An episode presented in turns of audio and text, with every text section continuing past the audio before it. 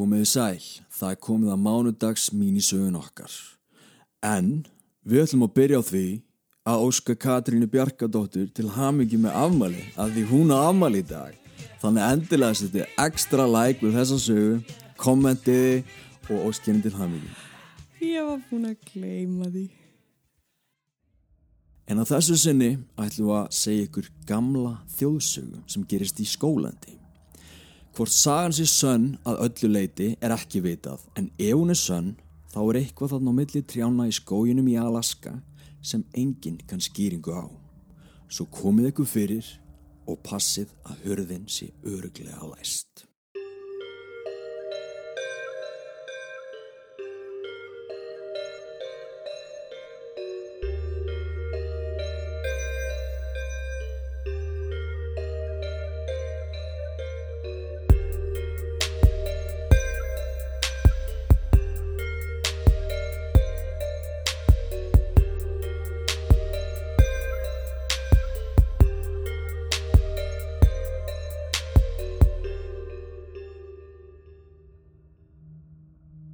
Eldri hjón voru á ferðalagi um skólendið í Alaska hausti 1993. Þau hafðu beðið lengi eftir ferðinni en það voru þau á leið á æsku slóðir þeirra begja. Þarna hafðu þau bæði hlaupið um sem krakkar og því má segja að þau hafi þekkt skógin eins og handabakið á sér. Þau kerðu um í dálitin tíma en fundu svo stað sem þau langaði að skoða. Þau lögðu bílnum örlítið út af veginum svo hann væri ekki fyrir skildu aðrir vera á ferðinni um svæðið líka. Þau skiptu í viðegandi skó, settu bakpokan á axlirnar og voru með gungustafi til tags. Skólendið var alveg nákvæmlega eins og þau myndi, líkt og tríen hafi ekki vaksið neitt á öllum þessum árum. Heldur einfallega staðnað og ekkert breyst frekar en ljósmynd framann á postkorti. Þau heldu á stað upp með skóinum og heldu vestur. En eftir um það byl halva kílometr sköngu fóru að renna tvær grímur á þau þar sem tríin vörpuðu skugga á hvert einasta grjót á jörðinni. Það var talsvert meira myrkur en þau myndi og hefðu gert ráð fyrir. Engin leið var að sjá mun á degi eða nóttu því skuggin yfir þeim var svo mikill og er þau litu upp til heimins sáu þau ekkert nema tríja. En úrin þeirra sögðu þeim að þarna væri tímabart að halda tilbaka svo þau heldu beina leið í áttina þaðan sem þau komu. En þegar þau hefðu tvísvar sinnum gengið fram hjá lítilli gjá, hætti þeim að standa á sama. Það var eins og þau væru búin að ganga í ringi, en þau raunverulega voru vissum að þau væru að ganga beina leið, sömu leið og þau komu. Klukkan var orðin margt og dökki skuggin þarna orðin að nýða myrkri. Þau voru orðin þreytt og langaði helst að stoppa til að kvílast en þau voru ekki með neitt tjald, teppi eða annað sem þau getur kvílt sig á svo þau neytust til þess að halda för sinni áfram.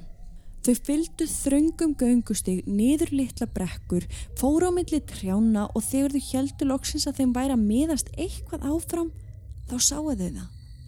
Litla gjáin kom enn og aftur í ljós núna í þriðja skiptið.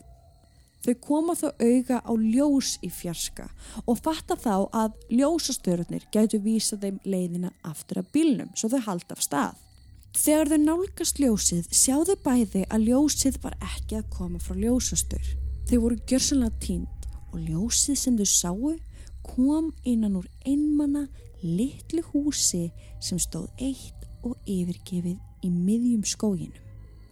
Þráttur að þekka skógin vel þá myndu þau ekki eftir húsi en að sama skapi þá voru þau ekki vissum nákvæmlega hvar í skóginum þau væru staðsett svo kannski hafði þetta hús alltaf verið þarna anþess að þau hefðu tekið eftir því í barnæsku. En hvers vegna var þarna ljós, spyrja þau hvort annað.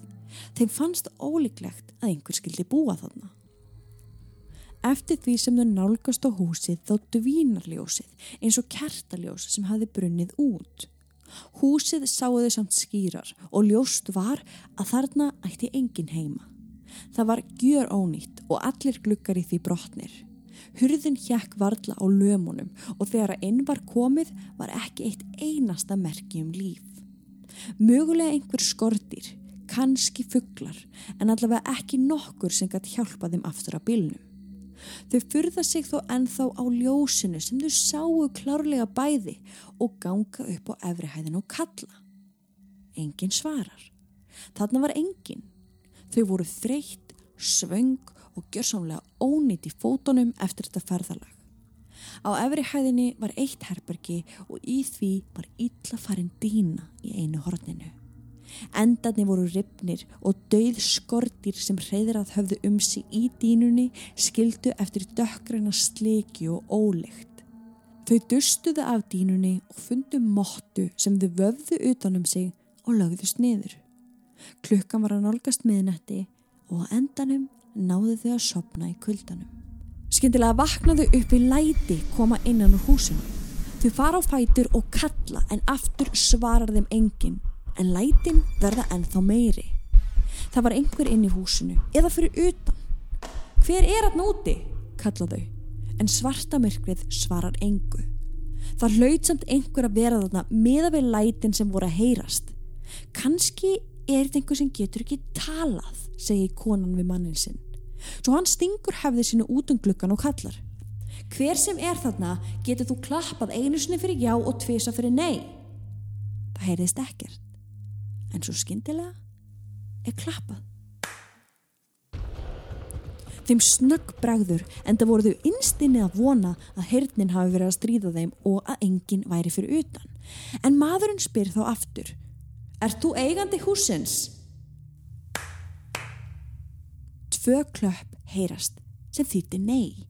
Þannig að ef þetta var ekki eigandi húsins, hvað var hann þá að þvælast þarna? Ertu maður? Aftur tvö klöpp. Aftur nei. Ertu þá kona? Konan bað mannin sinn nú um að hætta að spurja spurninga en hann var ekki á því. Hann var vissulega þreyttur en hann var líka orðin pyrraður því auðvitað var aðilinn fyrir utan annarkost karl eða kona. Það var greinilega einhver að fýblast í þeim. En þá skyndilega kalla konan. Ertu manneskja? Ískaldur sviti rann niður hryggin á þeim báðum og hrollur fylti herbergið. Komstu einn? spyr konan þá og núna með titrandi röttu. Hversu margir eru með þér? Getur þú klappað einu sinni fyrir hvert þann sem er með þér?